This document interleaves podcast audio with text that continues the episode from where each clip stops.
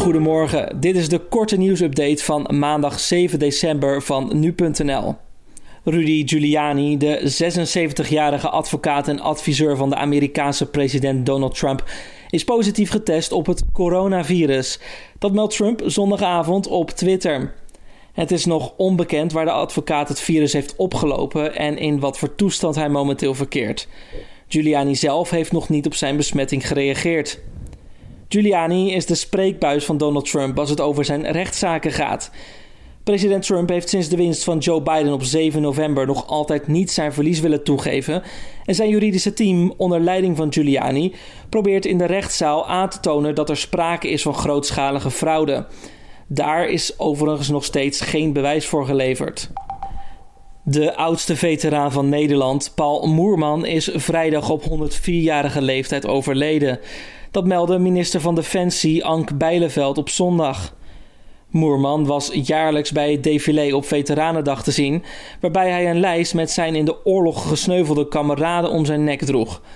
Moerman nam tijdens de Tweede Wereldoorlog onder meer deel aan de slag van Ypenburg op 10 mei 1940. Duitsland hoopte leden van het Koningshuis en de Nederlandse regering gevangen te nemen bij deze actie, om zo Nederland tot capitulatie te dwingen. Het Nederlandse leger hield echter stand en wist de slag te winnen. Na de oorlog ging Moerman aan de slag als makelaar, wat hij tot 2007 bleef doen. Veel meer Nederlanders gingen afgelopen zomer op vakantie in eigen land, waardoor campings en vakantieparken hun beste zomer ooit beleefden. Dat meldt het Centraal Bureau voor de Statistiek maandag bij de presentatie van het trendrapport Toerisme. In de maanden juli, augustus en september gingen maar liefst 5,9 miljoen Nederlanders op vakantie in eigen land, ruim een kwart meer dan een jaar eerder. Er kwamen wel veel minder buitenlandse toeristen, waardoor hotels een slechte zomer hadden.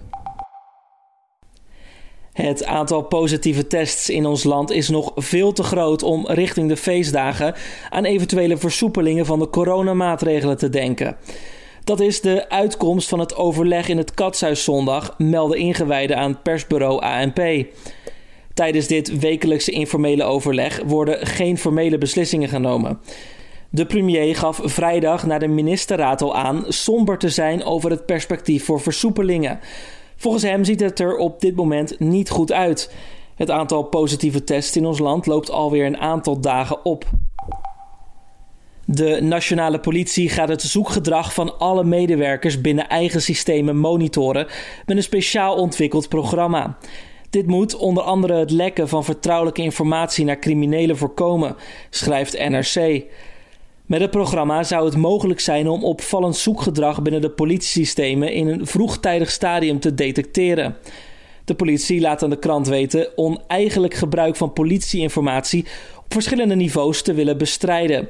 Denk hierbij aan het onnodig opzoeken van het strafblad van een bekende Nederlander of iemand uit eigen kring. In 2019 kregen 68 politieagenten hiervoor een disciplinaire maatregel opgelegd. En tot zover het korte nieuws van nu.nl.